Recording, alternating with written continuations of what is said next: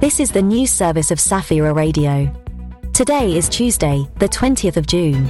It's the 171st day of the year. In Poland, we celebrate National Day of Silesian Uprisings, and in Argentina, it's Flag Day. Historical kaleidoscope. In 1815, the Congress Kingdom was proclaimed in Warsaw, and in 1983, the debut album from the band Lady Pank was released. In 1622, Protestant forces suffered a defeat in the Battle of Hochst. Their opponent was the German Catholic League. Meanwhile, in 1960, the Federation of Mali split into two independent countries Mali and Senegal. Birthday calendar. In 1763, Theobald Wolfe Tone, Irish national hero and leader of the Irish Revolution, was born. The struggle for Irish independence took place against British rule in the Kingdom of Ireland. On the 20th of June 1929, Edgar M. Bronfman, a Canadian industrialist, philanthropist, and president of the World Jewish Congress, was born. For his services, he was honored by US President Bill Clinton with the highest civilian award in the US, the Medal of Freedom. News update Spain. The Christian charitable organization Mary's Meals has been honored with the Princess of Asturias Award. Mary's Meals provides meals for schoolchildren worldwide.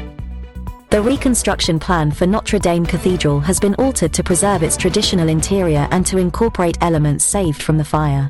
The first mass post reconstruction is planned for the 8th of December, despite works continuing until 2029. President of Brazil, Luiz Inácio Lula da Silva, plans to invite Pope Francis to the Cirio de Nazaré festival in the city of Belém.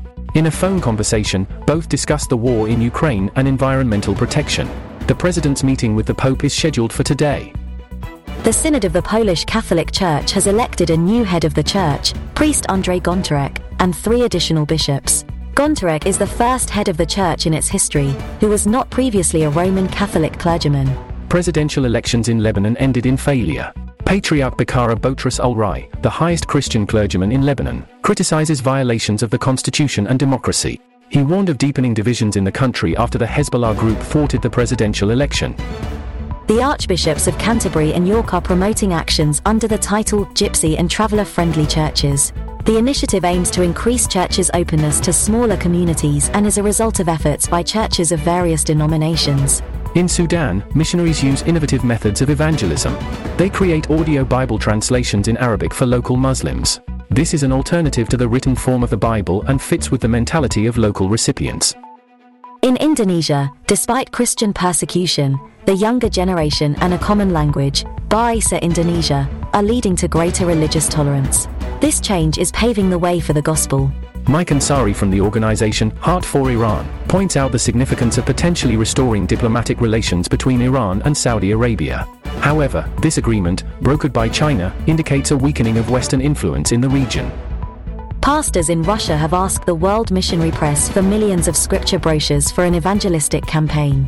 Despite difficulties associated with Russia's invasion of Ukraine, the literature reached Moscow. Tesla and SolarCity have utilized the natural resources of Kauai Island in Hawaii to create a community based on renewable. The built solar farm, with a capacity of 13 megawatts, consists of over 54,000 photovoltaic panels.